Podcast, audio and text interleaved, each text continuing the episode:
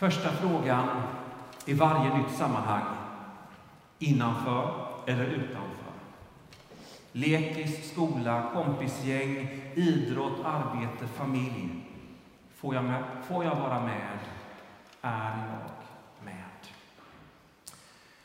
Smärtan av att vara mitt ibland människor som tillsammans är en gemenskap där jag inte är med är för smärtsam för de flesta. Vi går, vi lämnar, vi drar oss undan och isolerar oss. Så många av de beskyllningar, vredesutbrott och anklagelser mot grupper, människor är sprungna ur erfarenheten av att inte bli fullt ut inkluderad och mottagen. Varje företeelse som påminner om mitt eget trauma måste elimineras, ja, cancelleras. Varför är det på liv och död om vi blir inkluderade eller exkluderade? Svaret finner vi när vi lyssnar till sonens passionerade samtal med sin far dagen innan hans avrättning. Hela tillvarons epicentrum är kärleken mellan Fadern och hans son och deras gemensamma utflöde av liv genom den heliga Ande.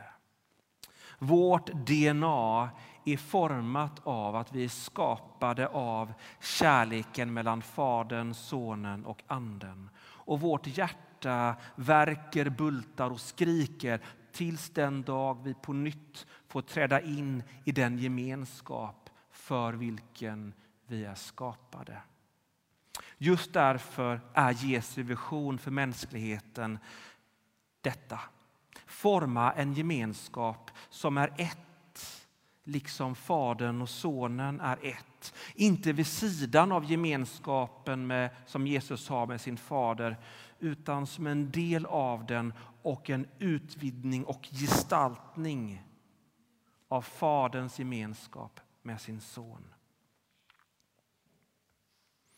Polarisering är ordet på allas läppar. Ja, det har nästan blivit ett utslitet ord. Och vi lever i en samhällsutveckling där vi i västvärlden allt mer glider isär. Jag bara, behöver bara nämna ord som Trump och Biden, SD och Vänsterpartiet, genus, hbtq, kärnfamilj, klimat och klimatförnekare eller varför inte politiskt obundna och politiska partier i Svenska kyrkan och dess kyrkoval. Så förstår vi.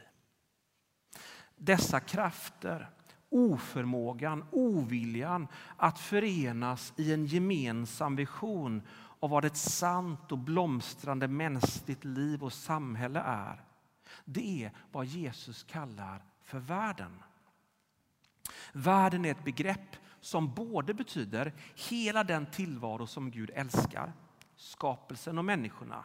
Så älskade Gud världen, säger Johannes i de berömda verserna 3.16.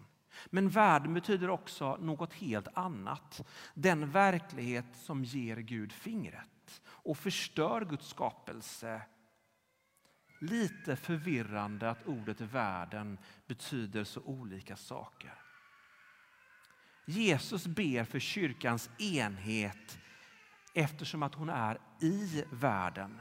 Med betydelsen av att världen som hon lever i är den verklighet som lever i opposition mot Gud som splittrar och förstör. Och Jesu efterföljare lever i världen och därför är risken att världens DNA smittar oss så att vi reproducerar samma splittring. Som ett virus som sprutar in sitt DNA i friska celler så att de i sin tur tillverkar nya virus. Hur ska vi få motståndskraft mot splittringens virus? Krafterna som enar oss, det som är vårt gemensamma centrum behöver vara starkare än de krafter som splittrar oss. I praktiken så innebär detta jag behöver lita på att om du följer ditt hjärtas längtan så skapas en värld, ett samhälle, en gemenskap där jag är välkommen, accepterad och älskad. Tänk er en kvinna som läser på universitetet i Kabul och ser hur talibanerna rycker närmare för varje dag. Finns det plats för henne i det nya Afghanistan? Varje vision av den goda världen har också ett nej till det som river ner detta. Ett demokratiskt samhälle kan inte samexistera med ett talibanvälde. Ett ja till det goda är ett alltid nej till det onda. Problemet är ju att vi är varandras nej, både i och utanför kyrkan. Vi vill begränsa varandras utrymme för att vi vill inte se en utveckling, varken i det lilla eller större sammanhanget, som går åt ett håll som jag tror inte är genuint gott. Socialdemokrater, öppen kyrka, frimodig kyrka vill till stora delar ha olika slags kyrkor. Där varje nomineringsgrupps vision leder till att man krymper utrymmet för andra. Där kanske jag stack ut hakan något, vad vet jag. Men så är det också i de närmsta sammanhangen. Vår gemenskap splittras därför att vi drömmer om olika liv och står i vägen för varandra. Splittring handlas till väldigt stor del om målkonflikt. Vilken väg mot enhet förespråkar Jesus? Han ber Helige Fader, bevara dem i ditt namn. Då ska vi bli ett, bli enade, som Fadern och Sonen är enade. Vad betyder det att vara i Faderns namn? Ganska knepigt sagt. Det betyder att kunskapsmässigt och erfarenhetsmässigt känna Gud så att jag har kunskap om vem han är och förstår med hjärna och hjärta vem han är och vad han vill för människan och världen. Så att jag precis som Jesus kan säga till Gud, helige Fader. Det handlar om en intim och nära gemenskap där jag lever i Gud och Gud lever i mig och jag har kunskap, hjärtats och hjärnans kunskap om vem Gud är. Hur får vi den kunskapen och den erfarenheten? Jesus ber till sin fader, allt mitt är ditt och allt ditt är mitt. Alltså, allt vad Fadern har och är tillhör Jesus. Jesus har den fulla erfarenheten och kunskapen om vem Gud är. Sedan säger han, jag har förhärligats genom dem, vilket betyder att Jesus redan har genom sin undervisning, sina gärningar förhärligat, vilket betyder uppenbarat, visat, demonstrerat och agerat ut vem Gud är. Men jag har förhärligats genom dem pekar också framåt mot den slutgiltiga och fullödiga uppenbarelsen, agerandet av vem Gud är. Vilket är hans kors. Där uppenbaras, förhärligas Gud i Jesus. Där ser vi vem han verkligen är. Jesu kors, det är platsen där de olika drömmarna om världen, samhället, livet kolliderar med varandra så att vi dödar, sliter sönder varandra. Korset det är konsekvensen av att Judas drömde om en militär Messias. Romarna ville dominera världen och de judiska ledarna ville behålla makten. Målkonflikt. När vi ser Jesus på korset och hur han sakta plågas till döds ser vi vad splittringen gör med oss, med kyrkan och med världen. Jesus härbärgerar, absorberar vår inre och yttre splittring som vi både bär inom oss och som vi är indragna i och många gånger lever ut. Korset är den plats där de krafter som splittrar oss övervinns av den kraft som är starkare. eftersom Jesu självuppoffrande och förlåtande kärlek och förenande kärlek också älskar fienden. Korset är den plats där våra egna själviska ambitioner och drömmar dör. Där våra svärd smids om till plogbillar och giftet i våra tungar, tungor eller varför inte fingrar försvinner. Korset är den plats där vi bevaras i Faderns namn. För där ser vi, lär känna Gud som den han verkligen är.